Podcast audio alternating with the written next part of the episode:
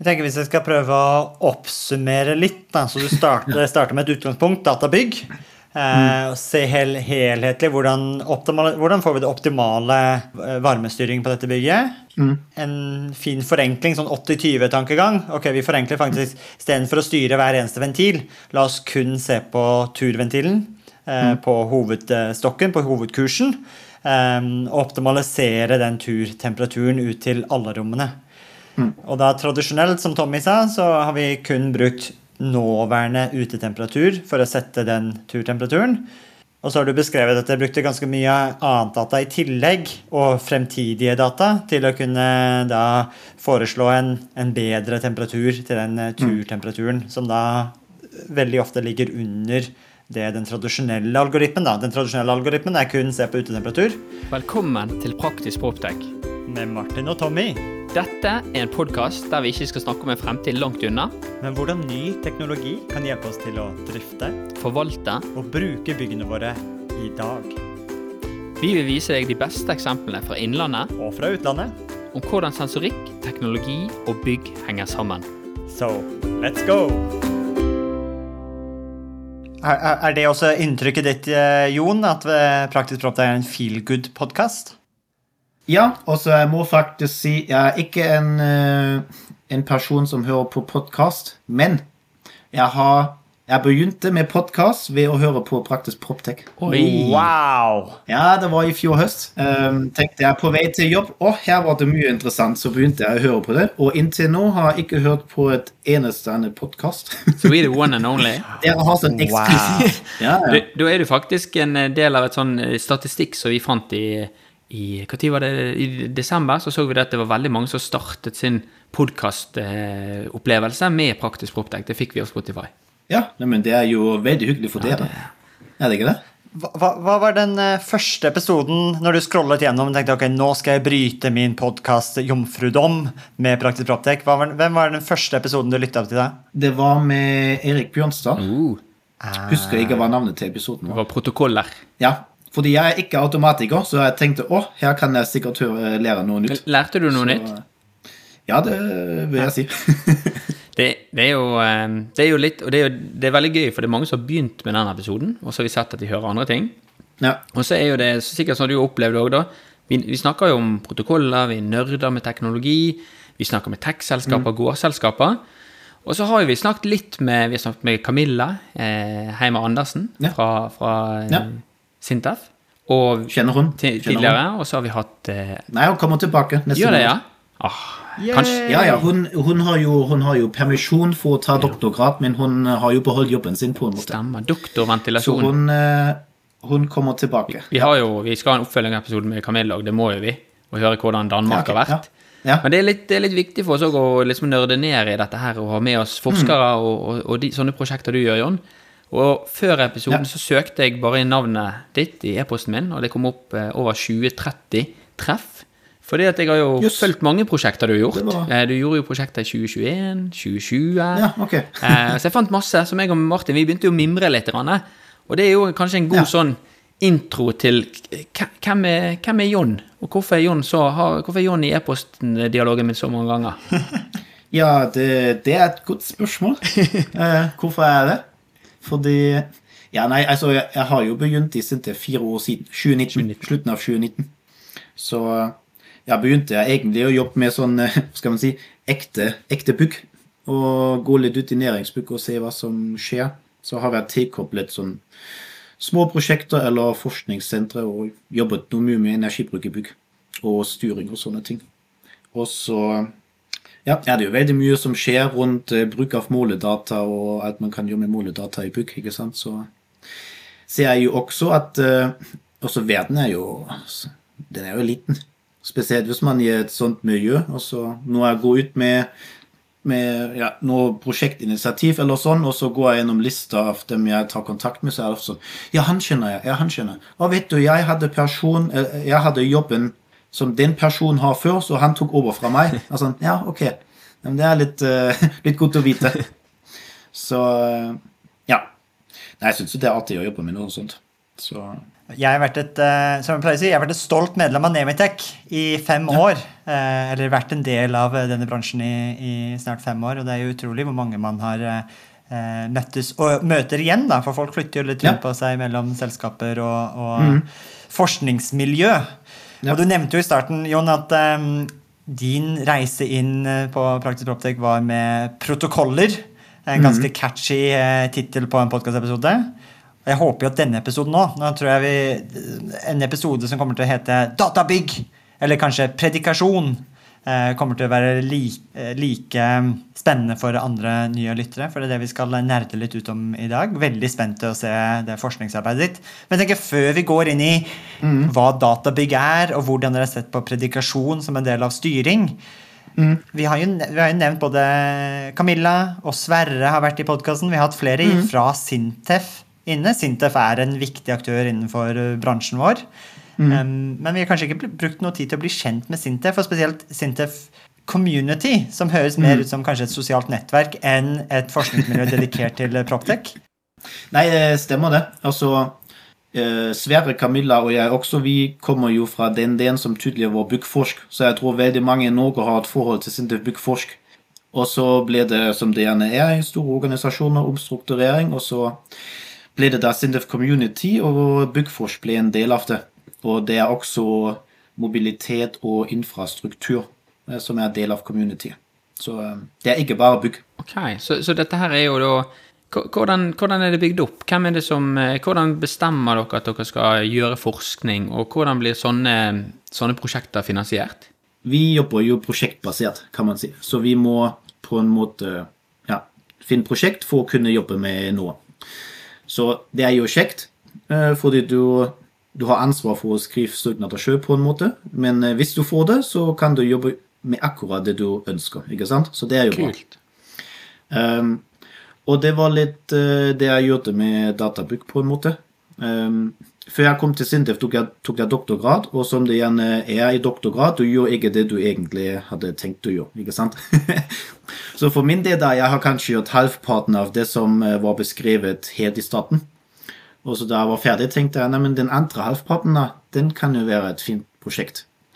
Og så begynte, å, begynte jeg da med en markedsanalyse, sjekka litt ok, hvilke aktører finnes det i markedet som kan være interessert i noe sånt. Og så gikk det kjempefort, egentlig. Tok kontakt med ja, Det var IVMAC den tida. Nå er det Kiona. Um, og dem sa ja, i under én uke ja, vi er med. Og så har dem da tatt inn DNB også. Um, DNB næringsbygg. Eller næringseiendom. Og da, det, det var et innovasjonsprosjekt. Det er jo sikkert også det vi skal snakke om nå. Og et innovasjonsprosjekt er da sånn at man får støtte fra Forskningsrådet. Altså en bedrift som eier prosjektet. Så alle eh, resultater eh, eies av eh, bedriften som eier prosjektet. Og Sintef er da en forsknings- eller FoU-partner. Og da er det sånn at det er um, egeninnsats, altså i form av arbeidstimer, mest, som utløser støtte fra Forskningsrådet. Så ja, vi hadde en ganske bra støttegrad, fordi IVMAC var ikke så stor, så vi fikk mye støtte. Og de gikk inn med betydelig egeninnsats, og så fikk vi 15 millioner i støtte fra Forskningsrådet. Så da kan man jo gjøre en del med 15 millioner, ikke sant? Men det er da sånn De 15 millionene er til FoU, og det er da det budsjett vi har hos Sintef for å bidra inn i prosjektet. Men er det de 15 millionene, er det noe utstyr eller teknikk, eller er det menneskekraft og Det, det, kan du, nei, det kan du bestemme i søknaden. Så du kan uh, ha direkte indirekte kostnader, og så sier du å, vi tenker å kjøpe masse sensorer for å kunne gjøre det her, så kan du legge det inn i budsjettet til søknaden. Og så får du forskjellig støttegrad på en måte. Um, men hoveddelen er arbeidstimer. Så du kan ikke, du kan ikke si jeg vil kjøpe meg et kjempestort solcelleanlegg, og så gjør du ikke noe annet, så du får ikke støtte til det. Så tanken er at du skal, du skal utvikle noe en ny løsning Eller det skal være en utvikling som er så på stor risiko at eh, det kanskje ikke hadde skjedd hvis det ikke var for eh, forskningsstøtten. Nettopp. Ja, I et sånt innovasjonsprosjekt må FoU-en være helt avgjørende, at din innovasjon faktisk blir eh, realisert, på en måte. Så Vi har, vi har jo ikke hatt eh, Kiona eller Ivmak eh, som gjest Tommy. Nå ble de også kjøpt opp, så jeg, en ganske stor transaksjon nylig. Så det var ganske spennende. at norske Ja. Enda et norsk 2,3 proptech-selskap. milliarder var det de ble kjøpt opp for. 2,3 milliarder, ja. Det, Det var kjempestort.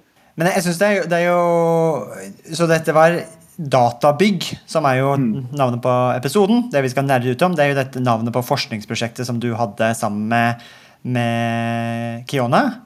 Og he, liksom essensen av det, hvis jeg har det eh, riktig, er ok, hvordan, hvordan kan vi bruke mer predikasjon inn i styringsalgoritmene på byggene? Være mye mer eh, eh, proaktive eh, istedenfor reaktive i hvordan vi styrer, spesielt, og det er vel oppvarming dette går på. Men kanskje gi oss en sånn, Du nevnte doktorgraden din, så sa du en del av doktorgraden var mye mer spennende. Du tok den videre, og så fikk du Kiona til å måtte, eh, på større prosjekt sammen med, med DNB. Ta, ta, så ta oss gjennom den reisen, og så kanskje nevn litt raskt også hva doktorgraden din opprinnelig var om. Eh, Ja. Og hvorfor måtte, denne delen virka som at den var den mest eh, fruktbare. Ja, ehm, det kan jeg gjøre. Så ja, for å begynne i starten altså Jeg er utdannet sivilingeniør, så sånn ganske generelt, egentlig. Eh, har utdanning fra Tyskland og Sverige, og kom da til Norge for å skrive masteroppgave. Og så, Den tok jeg ved Sintef Energi den gangen. Da var det om eh, eh, lokale eh, fjernvarmenett, eller nærvarmenett, på en måte. Og hvordan man kan integrere varmepumpesystemer i nærvarmenett. Så det handlet litt om bygg. Det var et stort borettslag som har sin lokale nærvarmenett i Trondheim, som jeg har sett på som case. Og så, ja, etter det hadde jeg lyst til å fortsette å bo i Trondheim, så første stillingen jeg fikk, var den der doktorgradsstilling ved NTNU, så takka jeg ja, for jeg hadde lyst å være her. Og den handlet da om um, ja, veldig generelt om aktive og passive um, oppvarmingssystemer i bygg. Og så til slutt blir det da rundt energifleksibilitet i bygg. Og tanken var da egentlig å se på noe som heter modellprediktiv styring. ehm, som er et rammeverk hvor du kan eh, Ja, du har en modell som du bruker for å ja, for å vite hvordan din bygg vil oppføre seg de neste timene. Og det modellet setter du inn i et styringsrammeverk som også tar hensyn til værmelding, tilstedeværelse, øh, strømpriser, sånne ting. Og så har du en numerisk optimering som løper i, den, øh, i det rammeverket der. Og så det som du får ut, er et øh, tidsserie med settpunkter som øh, bygget skal ha for å eksempel ha minimum energiforbruk. Og den der eh, optimeringen den går hver eneste time.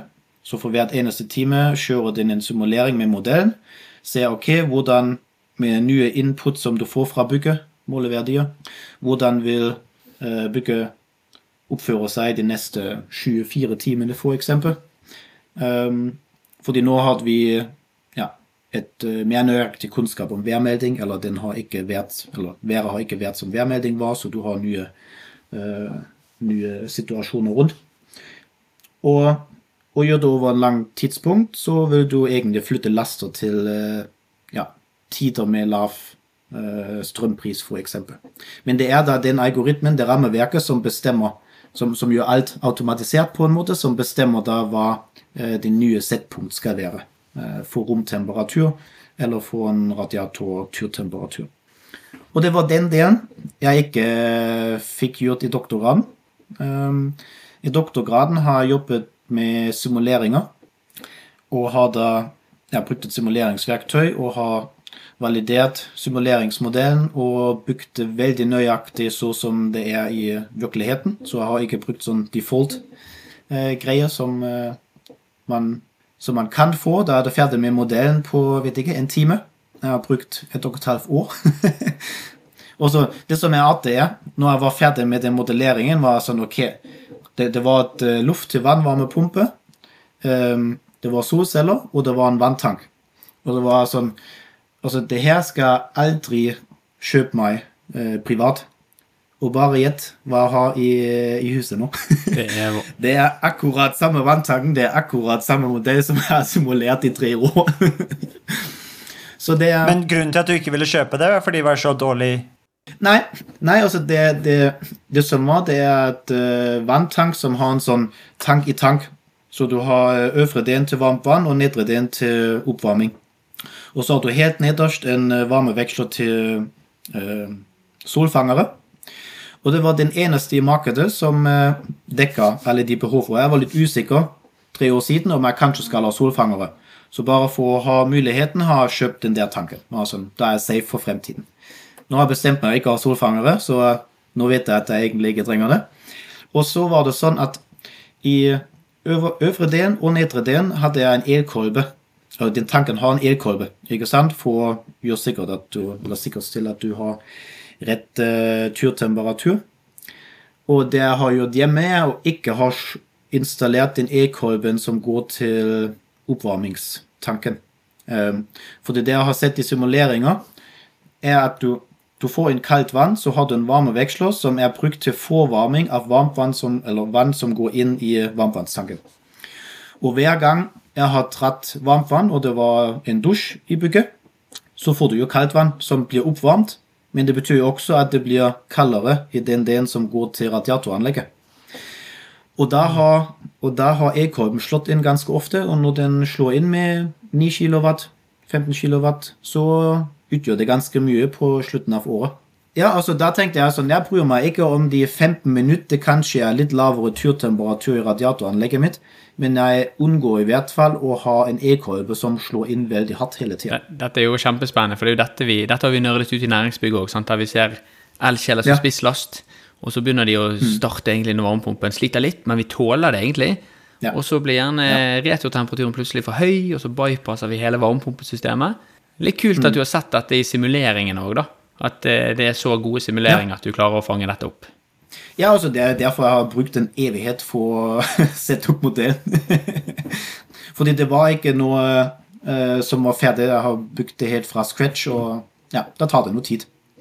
Og så vil du gjerne validere det med måledata og sånne ting. Så det er noe det jeg har brukt mye tid på. Og så etter det kom det jo noen studier rundt energifleksibilitet. Så Eh, doktorgraden handlet om potensialet for energifleksibilitet i norske boligbygg eh, som er basert på strøm.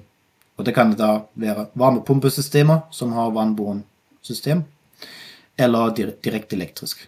Så, ja.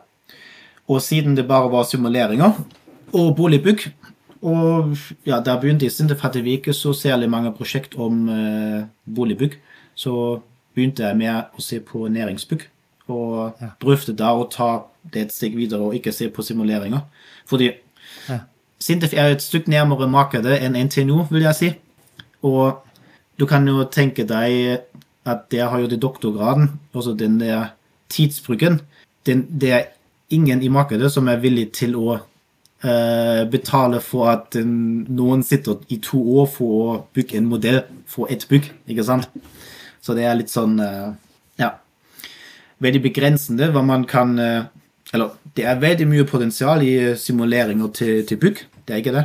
Men eh, jeg, jeg syns det er spennende å jobbe med måledata og ekte mm. bygg. Det er, jo, det er jo, definitivt i tiden og veldig liksom, tilfeldig nå. Siste episode vi spilte inn, var med Virtual House, som mm. er en aktør som også prøver å gjøre den type simuleringen av det var først og fremst varme- og kjøleanlegg, eh, hvis jeg husker riktig. Eh, tilgjengelig på designstadiet. Så på en måte Riven eh, og entreprenøren kan få til gode simuleringer av de foreslåtte anleggene.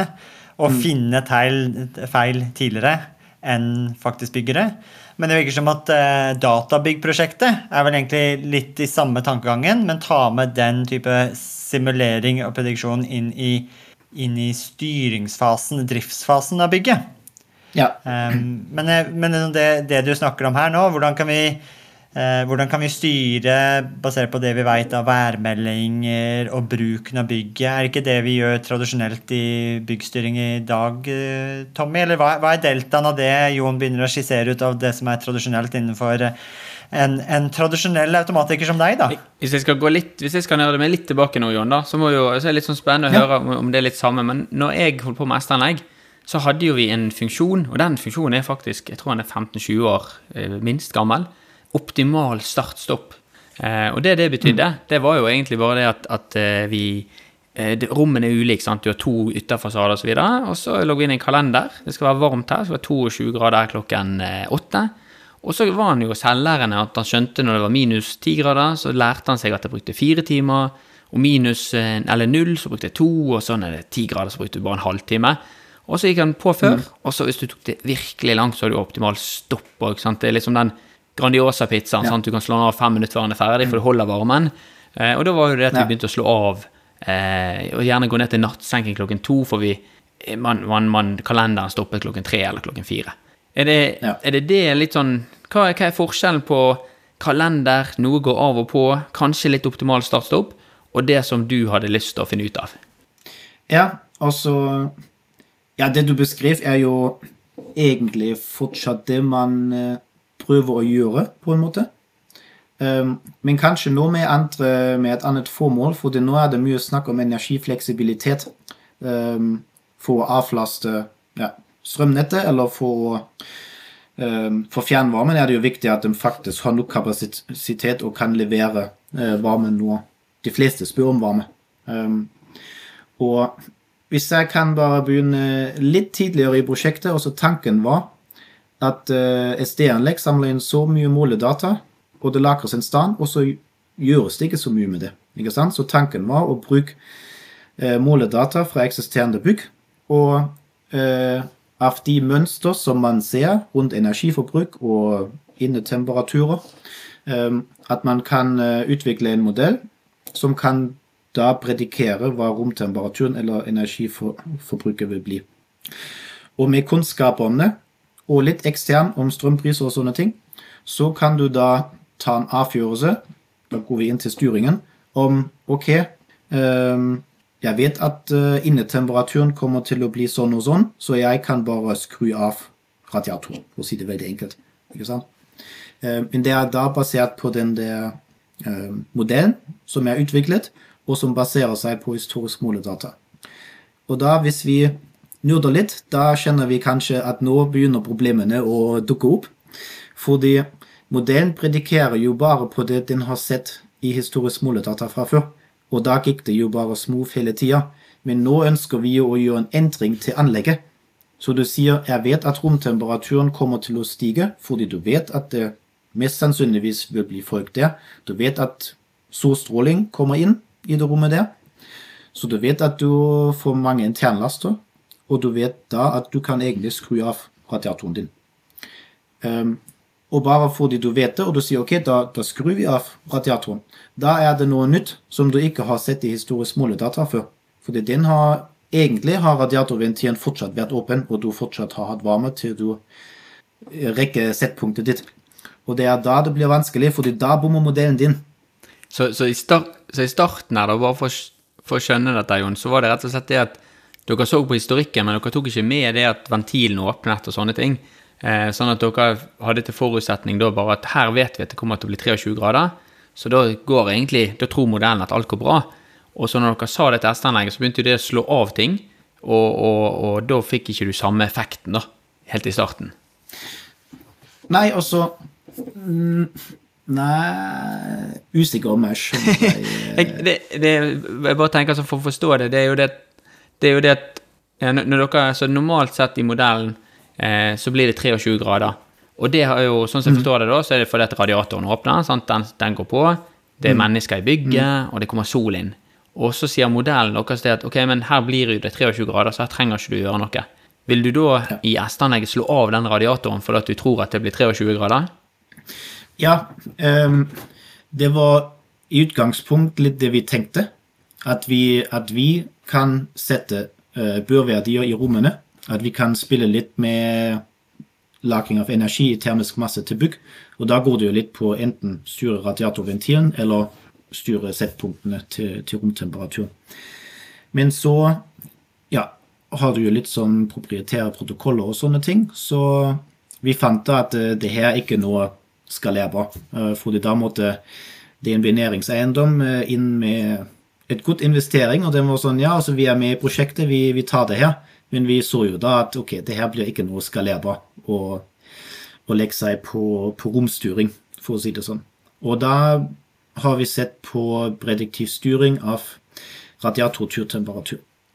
Og det vil da si Settpunktene i rommet de kunne være som de vil. Vi har ikke gjort noe med dem, men vi har analysert hva det mest sannsynligvis vil være for hver eneste time, basert på historisk måledata. Så da har dere egentlig gått vekk fra rommet, sant? der du har én radiator, og så har dere tenkt ok, la oss Ja. gå på forsyningen av all varme Ja. til alle radiatorene på, på, ho, på hovedstokken Ja. til radiator, og så tenker dere at her kan dere heller manipulere da turtemperaturen, som da vil det bli indirekte, da vil det bli energien som disse radiatorene har tilgjengelig. Nettopp. Okay, kult. Så, så, så det, som, det som er helt vanlig, er jo den fyringskurven som setter turtemperaturen. ikke sant? Og det eneste som avgjør hva turtemperaturen blir, er jo da utetemperaturen. Men den tar ikke hensyn til solstråling eller til faktisk oppvarmingsbehov i. For, for dette her er jo den typiske utekompenseringskurven, der vi gjerne setter at der, hvis det er et 60-40-anlegg, så skal vi ha 60 grader på tur, når det dimensjonerende utetemperaturen er si minus 10 i Bergen, og kanskje Ja. minus 20 i Oslo. Ja. Eh, og så Ja. sier vi et sånn knekkpunkt underveis, at det skal være 50 grader når det er null, 40 grader når er pluss 10. Eh, og det er egentlig den kurven der du begynte å nørde deg inn på, da. Hva andre parameter har vi en utetemperatur på en sånn kurve, da? Som er viktig, tror du? Ja, altså Det vi har gjort i prosjektet, da um, altså Det første vi har gjort, er å utvikle en, et, et romanalyse. Det bygget vi har sett på, hadde 300 rom. Ehm, og vi har kjørt en analyse for hele siste året for hvert eneste rom, og sjekka hvor ofte var måltemperatur under settpunktet. Bare for å se om vi faktisk klarer å dekke oppvarmingsbehovet. Og så fant vi da ut her er det 10 av 130 som alltid er for kaldt. 90% av tida gjennom hele siste året var det for kaldt. Så da vet drift ok, her er det noe fysisk. Det er noe som ikke stemmer. Og i begynnelsen var, har vi lagt inn analysen bare for å sjekke litt hva statusen i bygget er. Men til slutt ble den egentlig helt sentralt, også i styringsalgoritmen. Fordi som en del av styringen kjører vi den analysen hvert eneste time. Og den analysen på en måte sammenligner måltemperatur med settpunktet. Det er det den gjør for hvert eneste rom. Og når vi ser da at uh, her er det fem rom som har oppvarmingsbehov, men 105 rom ikke har oppvarmingsbehov, ehm, så vet du at kanskje det er noe feil der med de fem rom. Eller at generelt sett kan vi si det er ikke noe oppvarmingsbehov, vi kan dra ned turtemperaturen i radiatoranlegget. Og den modellen vi da har hatt, den hadde masse forskjellige input-parametere. det er værmelding, det var eh, status på noen parametere i ventilasjonsanlegg. Eh, går vifteren, hva er tilluftstemperaturen, hva er avtrykkstemperaturen. Status i radiatoranlegg, går sirkulasjonspumpene, hva er turtemperaturen, returtemperaturen. Og det vi har lekt med, på en måte, det er jo den turtemperaturen til radiatoranlegget som var en input. Fordi den eneste output fra modellen er innetemperaturen for rommet. Og hver time har vi da kjørt en, en eh, ja, hva skal man si, optimeringsalgoritme som søker seg nedover fra fyringskurven for å finne den lavest mulige turtemperaturen i radiatoranlegg som fortsatt opprettholder termisk komfort i rommene. Og ved det så ja, vi har søkt oss ned maks 15 grader fra fyringskurven. Um, så hvis fyringskurven hadde sagt vi vil ha 55 grader, så har vi kanskje funnet ut at nei, 40 er nok for å faktisk dekke oppvarmingsbehovet som du kommer til å ha de neste 12 timene. Så vi har alltid predikert 12 timer, og oppdatert hvert, hvert nye time. Men tenker bare på eh, Nå sitter det sikkert noen lyttere og tenker hva, hvorfor, hvorfor er det så viktig? Sånn? Hva, hva er det vi kan egentlig spare på det? Og det tenker jeg er litt sånn viktig, for det, det er jo klart at optimaliseringen her er jo at hvis vi sirkulerer rundt med 60 grader på hele bygget sant, i mange hundrevis av meter, eh, vi mister litt energi på veien, eh, og så pumpen står jo gjerne og pumper unødvendig masse vann rundt, rundt om. Så det er egentlig det, er det som er litt eh, optimaliseringen her, er det at man skal på en måte bruke Ja. minst mulig svinn rundt i systemet, pumpe riktig temperatur, sånn at jo høyere temperatur, Ja. jo mer tap. Og det får meg litt til å tenke på den reisen som ventilasjon har gjort, sant? der vi har eh, spjælvinkler. Vi ønsker at alle spjælvinklene skal være så åpne som mulig. Eh, og da tenker jeg litt på, har dere sett på det å ha og egentlig sette opp et varmeanlegg på den måten at istedenfor å ta settpunkt mot, mot, mot romtemperatur, hvorfor ikke se på, på radiatorventil, altså på posisjonen på radiatoren? At alle radiatorene skal være så åpne som mulig. Har dere lekt litt med den Ja. tanken òg? Um, vi har lekt litt med tanken, men um, vi hadde rett og slett ikke nok tid. Fordi for å kunne teste nå, så er vi jo helt avhengig av eh, oppvarmingssesongen. Og prosjektet begynte i eh, desember, så første tre måneder går jo først og fremst for å finne ut hva vi skal gjøre. Hva slags informasjon har vi tilgjengelig og sånne ting. Så da gikk første vinteren. På andre vinteren testa vi romstyring, endring av eh, børverdier til rom, rommene. Så gikk vi bort fra det, og så hadde vi tredje vinteren, og det var siste vinteren. Og det var da vi begynte å leke med turtemperaturen til eh, radiatoranlegget. Eh, ideelt sett så hadde vi også hatt denne vinteren som er nå, eller kanskje en til, for å teste enda mer. Um, men ja, det er en interessant tankegang. Men så er det jo også sånn at ventilene også, De gjør jo ofte som de vil òg. det er litt sånn eh, Bare fordi du tror at nå er målt verdi langt under børverdi, da må jo ventilen være helt åpen. Det betyr ikke at den er det, ikke sant? Godt poeng. Så det er litt sånn ja. Altså det det vi ser i vårt eget kontorbygg også.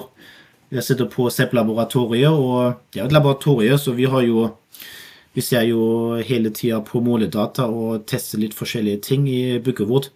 Og vi har kjørt tester i fjor høst, og det var Vi har to rom som er helt identiske. Tvillingrom. De har begge to sitt eget radiatoranlegg. De har begge to sin egen uh, kjølekrets. Um, og vi har egne energimålere bare for de to rom. Og så Den ene klarte å få temperaturen opp til 24, den andre ikke. Og så så vi at uh, ventilen den åpna og stengte seg hele tida. Men vi var egentlig langt under settpunktet vi ville ha. Så det, det var ikke noe grunn hvorfor den skulle åpne og stenge hele tida.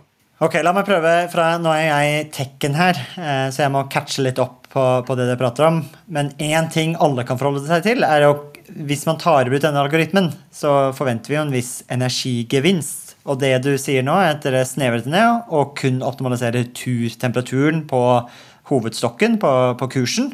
Hva slags energibesparelse så dere ved å bruke mer data enn kun nåværende utetemperatur til å optimalisere den temperaturen? Ja, eh, Godt spørsmål. Um, jeg må si jeg er ikke noe stor fan av å si tall, fordi det er det er alltid sånn case-spesifikk. Hvis et bygg har fungert kjempebra fra før, som den vi egentlig har sett på i prosjektet, um, et, bygg på Trondheim, så sparer du kanskje ikke så mye. Men så kan du også ha bygg som ikke fungerer så bra, og da er jo mye av energisparingen er jo eh, av den analysen som du gjør. Du finner feil. Den, den der vi, kaller vi det smarte styringsalgoritmen som kommer på topp, den gir deg kanskje de siste få men jeg, mitt påstand er at de store energibesparelsene kommer fra å egentlig rette feil og uh, få bygget til å fungere som det skal. Um, og så er det jo gjerne, når vi eh, tester noe sånt, hva er referansen? Um, fordi du gjør enten det ene, enten du kjører som vanlig, eller du gjør det andre. Så du vet ikke helt hvordan bygget skal være hvis du hadde kjørt det andre. Um, Ja, og det er jo det er jo utfordringen har med å ha gjort- spesifikke bygg. Ja, ja, man har det. Og det Ja, vi har tatt to tilnærminger. Den ene er at vi har sett på um, ja, ET-kurven fra energirådgiveren som er inne i bygget. Men den, den gir ikke hele bildet, fordi den tar energimåleren på hele bygget.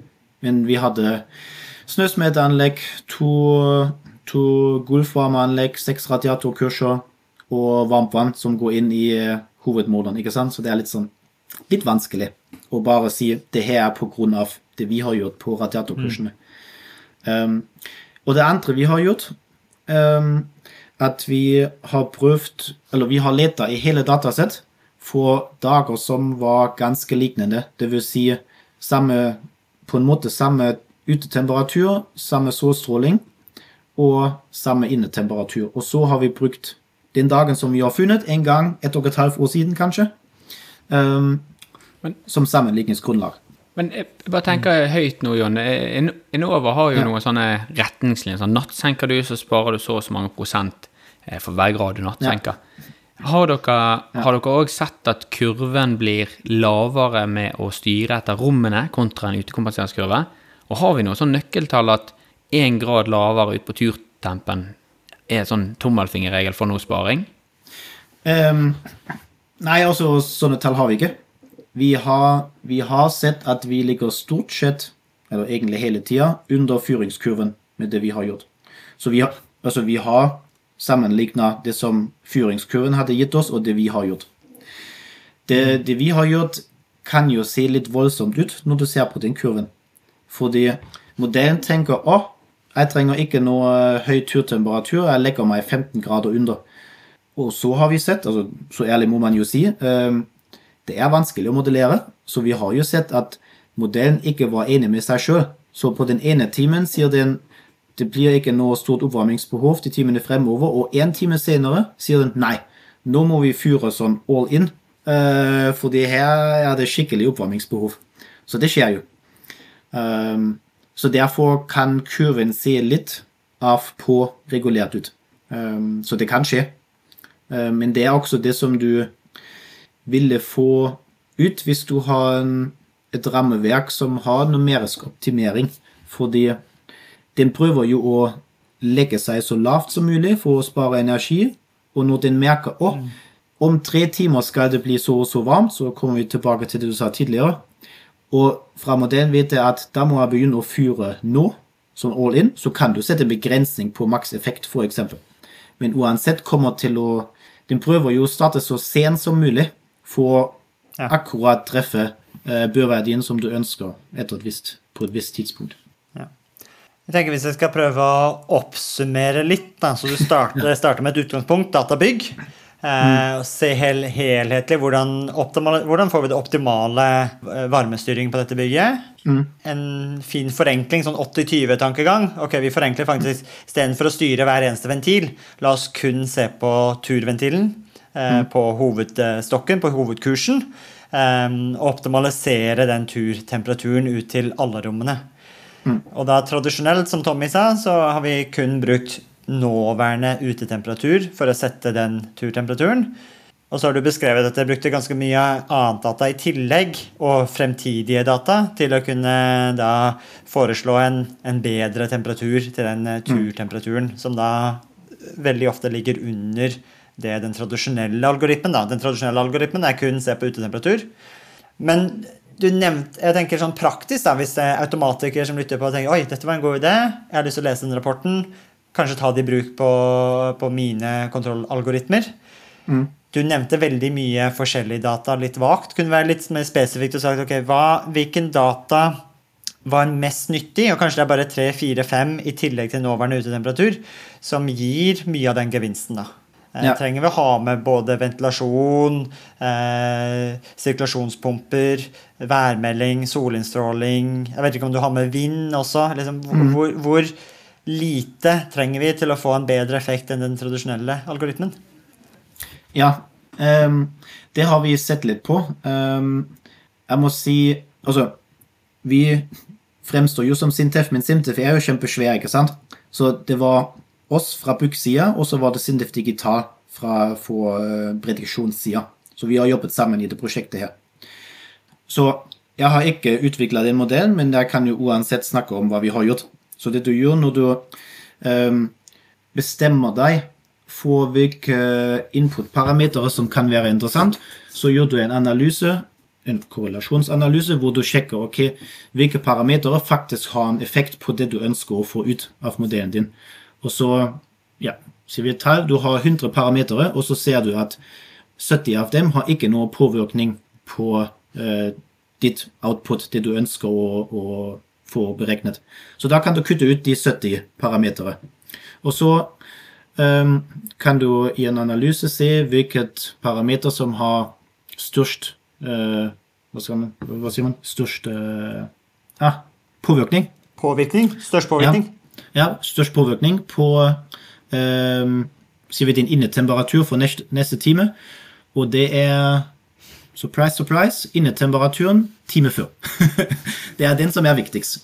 Ikke sant? Ehm, men så har du jo ehm, tid på dagen eh, hvilket dag det er. fordi da går du inn til tidsplanstyrt ventilasjonsanlegg som slår seg på klokka syv og slår seg av klokka seks på kvelden. Og ventilasjon har veldig mye å si for romtemperaturen, siden den kjøler ned hele rommet, egentlig. Um, så har du ikke noe ventilasjon i hegene. Um, så ja, tid på dagen og ukedag har veldig mye å si.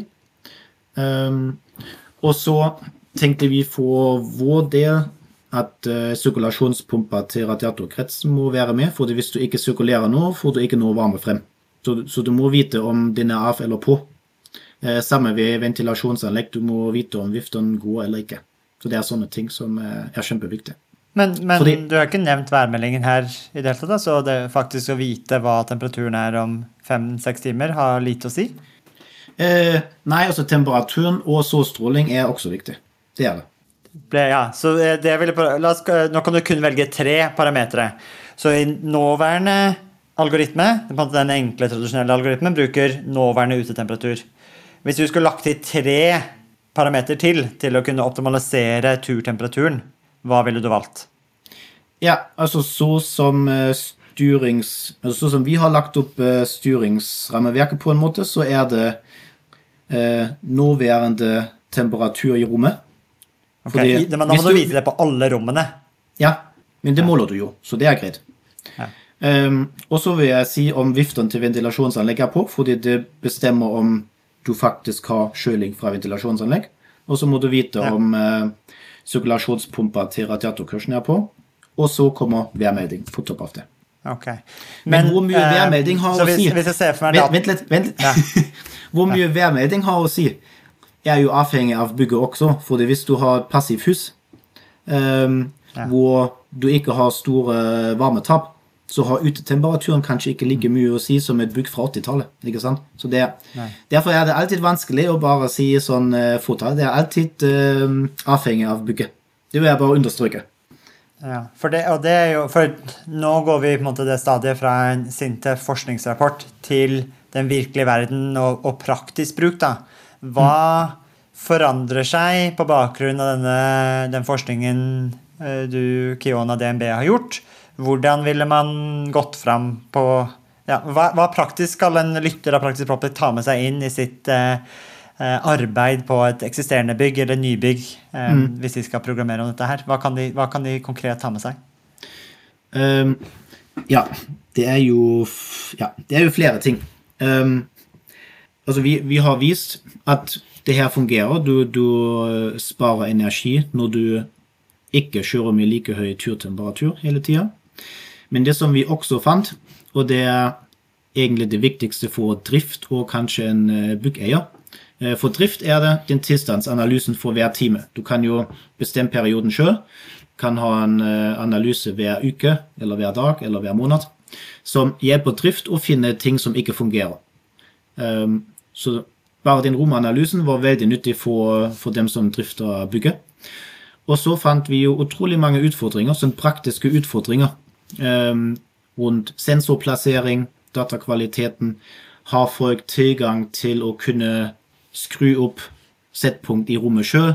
Har de tilgang til eh, Eller kan de styre solskjerming opp eller ned, og sånne ting? For alt det der påvirker jo en modell som du skal utvikle.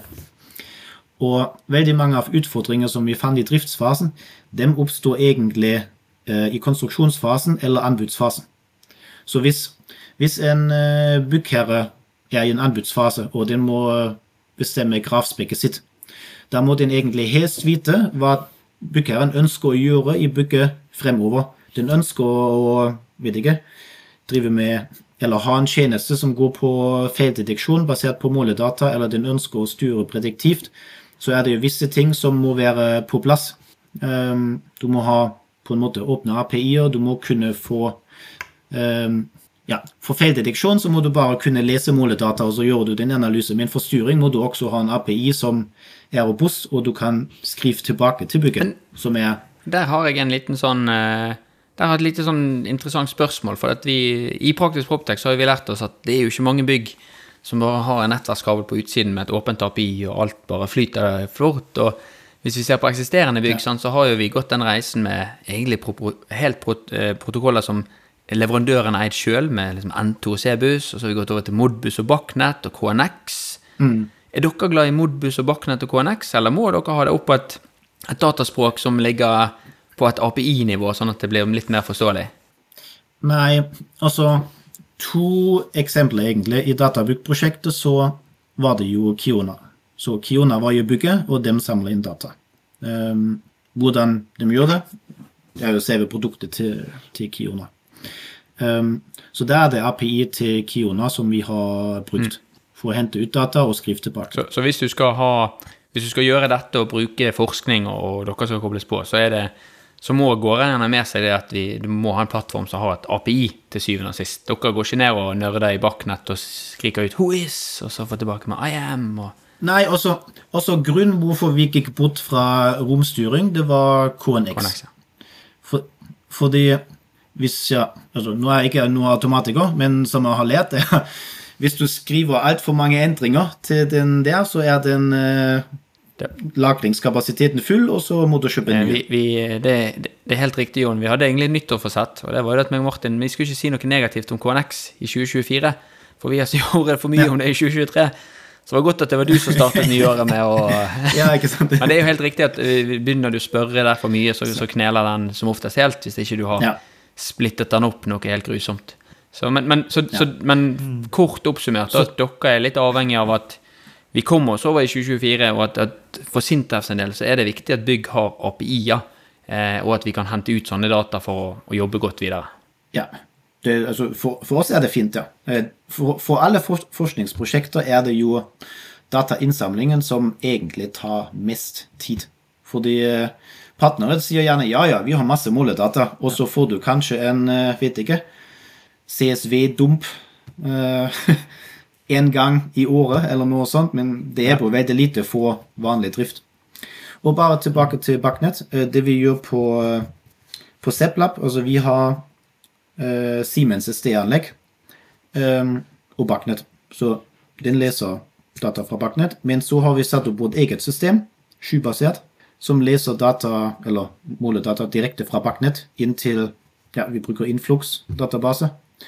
Og så bruker vi det for å gjøre analyse, visualisere, og eh, vi kan kjøre bygget i drift eh, i forskermodus. Så vi kan enten bruke vanlig modus, da kjører vi med vanlig SD-anlegg, eller så har vi forskermodus hvor vi kan overskrive det SD-anlegget egentlig gjør. Og det er veldig nyttig for oss for å kunne teste eh, nye ting i bygget vårt. Ja, Um, kult. Nå, Ja. Til å nerde litt ut på den eh, stacken, da, eller hvilke teknologier dere bruker til å både skrive disse algoritmene og teste dem ut. Eh, så du har jo nevnt Influx, eh, som er en mm. database som er optimalisert for tidsseriedata. Så veldig enkelt eh, å håndtere store datamengder med måleverdier. Hvis dere nå henter, Du sa dere henta ut alle dataene fra Kiona over jeg tror det er REST API, eller kanskje over Webhooks eller MQTT, rett fra dem. Du plasserte den data da i en Influx-database. Hvor er det du eh, utvikler Hvilket språk og hvilket rammeverk og hvilket program bruker det til å skrive algoritmen? da? Ja, altså Vi har ikke tatt inn data fra Kiona inn til vårt Influx. Vårt Influx er bare for de Sintef-bygg vi holder på med. Og vi okay. bruker Python for å skrive, eh, for å skrive eh, styringsalgoritmene. Så vi bruker Python for å hente ut data fra Influx på en måte, analysere det og også skrive tilbake til Backnet. Men den algoritmen som dere har nå utviklet sammen med Kiona som en del av Databygg-prosjektet, er den nå implementert i Kiona, så alle lyttere som bruker Kiona, kan nå ta i bruk den algoritmen? Ja, altså de kan i hvert fall spørre Kiona eh, at de har hørt om det, og høre om det er mulig. Fordi det vi En del av leveransene i prosjektet var en utrolig lang sjekkliste som bare vil vite hvordan bygget egentlig fungerer, og hva som er eh, innstillingene, på en måte. Fordi går vi en halvtime tilbake, eh, når Tommy sa optimal start-stopp Ehm, ja, du, du lærer jo optimal start basert på denne utetemperaturen og med akkurat så som systemet er nå. Men sier vi du for det, det vi tok utgangspunkt i i Databook, var også ok. Vi har et bygg med radiatoranlegg, og så har vi vannmengder dimensjonert etter dimensjonerende utetemperatur. Men så er det en energirådgiver som kommer inn og kutter ned vannmengder. Fordi oftest er jo, byg, altså er jo systemet overdimensjonert for det du egentlig trenger akkurat her og nå. Så den energirådgiveren gjorde en kjempejobb. Um, bygget fungerte kjempefint energimessig. Men da vi kom inn og ville egentlig se hvor langt tar det for å komme opp i temperaturen, så hadde vi ikke noe kapasitet i, i radiatoranlegg. Så det tok jo en evighet å komme oss opp bare to grader. Ja, for, for det, er viktig, det, er jo en viktig, endring. Sant? Her, når, når, vi har, vet alltid at turtemperaturen er samme med alle temperaturer, og da har vi på en måte noe som gjør at det er litt konsistens i det. Men det er jo helt klart at optimal mm. start-stopp vil jo selvfølgelig ikke virke optimalt med den løsningen der. Det er jo en eh, ja. men, nå tenker jeg, nå har jo vi nerdet ned på dette her, og vi har sikkert eh, kun kommet over havflaten. Får vi lov å dele denne her forskningsartikkelen inne på Praktisk Proptex sin side, eller kan vi linke til Sintef sin side på en eller annen måte? Uh, ja, det kan vi. Vi, vi venter eller Vi har sendt en forskningsartikkel. Den skal være åpen tilgjengelig til en journal. Og vi fikk tilbakemelding i går at uh, den er ikke avvist. Altså, I forskningsverden må man vite når man sender en sånn forskningsartikkel til en journal, så er det flere eksperter fra andre land som jobber med akkurat det. Og de enten avviser artikkelen, eller de sier oftest 'veldig interessant', men man må gjøre noen endringer. Okay. Og det er der vi er nå. De sa 'å, interessant'. Er, noen sa 'den er veldig god' men fint om dere kan også skrive om det her eller endre det her. Dere... Så nå skal vi sende den inn på nytt, og da håper vi at den blir godkjent. Så når, eh, så når den er godkjent Nå er jo vi så fersk off the press, altså dette er jo før den er godkjent. Så mm. når den er godkjent, så skal ja. vi i hvert fall oppdatere eh, shownotes. Så hvis, ikke, hvis, du hører den litt etter, at den er kommet ut, ja. da har vi mest sannsynlig link til, til forskningsartikkelen. Eller så er det raskeste måten er å finne Jon på LinkedIn, for jeg vet at du er veldig aktiv med å dele arbeidet ditt eh, der. Så bare følg Jon Klaus på, på, LinkedIn, så får du også med en gang info om dette her eh, blir oppdatert. Nei, altså veldig gjerne det. Det er bare å ta kontakt. Så jeg sier vanligvis ikke nei til en, til en liten prat. og det er vi veldig glad for, for dette her har vi prøvd å få til en, en liten stund, og endelig er vi her. Men eh, klokken har faktisk tikket over, og dessverre er vi nok en episode av Praktisk Proptech over for denne gangen. Mitt navn er Tommy. Og jeg heter John. Og fra Sør-Afrika, mitt navn er eh, Martin, og dere har nettopp kost dere med nok en episode av Praktisk Proptek! Dette gikk jo, uh, dette gikk jo strålende, Jon. Skal vi ta den igjen, eller? nei, nei, nei, denne klipper vi sammen. Da dere er 2024 i gang, og et av høydepunktene på starten av året er jo sett sammen et årshjul, og det har vi også gjort, Tommy. Ja, Akkurat nå sitter jeg og ringer rundt 25. og 26. april, for da skal vi på FTV-kongressen. Og det blir litt ekstra spesielt i år, Martin. Det var jo veldig spesielt i fjor òg, for jeg husker det vakre øyeblikket når eh, du og Magnus fra FTV-kongressen eh, preiket sammen og egentlig unnfanget og satt sammen en god idé. Og det var jo invitasjonen til eh, Proptech-dugnaden, som også blir et høydepunkt i år, ikke sant, Magnus, på FTV-kongressen 2024? Jo, det stemmer det. Vi setter godt med plass i år til, eh, til dugnaden. En eh, god og sprø idé for å sette praktisk Proptech ut faktisk i livet og vise hva vi får til, ikke bare fortelle. Det var jo, det var jo veldig gøy, for jeg husker da jeg skulle pitche dette til deg, så tror jeg du avbrøt meg og bare sa 'vi er med'. Og når vi var på dugnaden, så sa du òg at Tommy, dette her må vi ta med oss tilbake på FTV-kongressen. Vi må jo praktisk få dette vekk fra Powerpoint og vise praktisk hvordan vi har gjort det. Og det syns jeg blir litt spesielt i år, at det blir jo for meg en liten reunion av det som skjedde der ute. Men, men eh, FTV-kongressen er vel mye mer enn en, bare en reunion òg? Jo da, det er en møteplass for eh, FTV Norge, og vi ønsker å skape det til en, en god møteplass for FTV Norge, som, som tross alt tar vare på Norges største fastlandsnæring. Og da skal vi da skal vi ha en god arena å møtes for å se på felles uh, utfordringer og problemer, men ikke minst hvordan vi kan løse ting fremover. Og så blir uh, dugnad en sånn uh, bekreftelse på hvordan vi faktisk kan gjøre det, istedenfor å stå og bare høre om hvordan vi kunne ha gjort det. Det er veldig kult. Og januar er jo en gavemild måned, så hvis du brenner for bedre drifting av bygg, så kan du få med deg en liten eh, rabattkode her også, så møtes vi kanskje 25.-26. april på Tung kongress Gardermoen. Og den rabattkoden er ikke vanskeligere enn Praktisk Proptek med små bokstaver og uten mellomrom. Praktisk Proptek. Praktisk Proptek, små bokstaver, ingen mellom ett ord. ftvkongressen.no, der ser du programmet. Det blir oppdatert i disse dagene, og så møtes vi i april. Vi Vi ses! ses!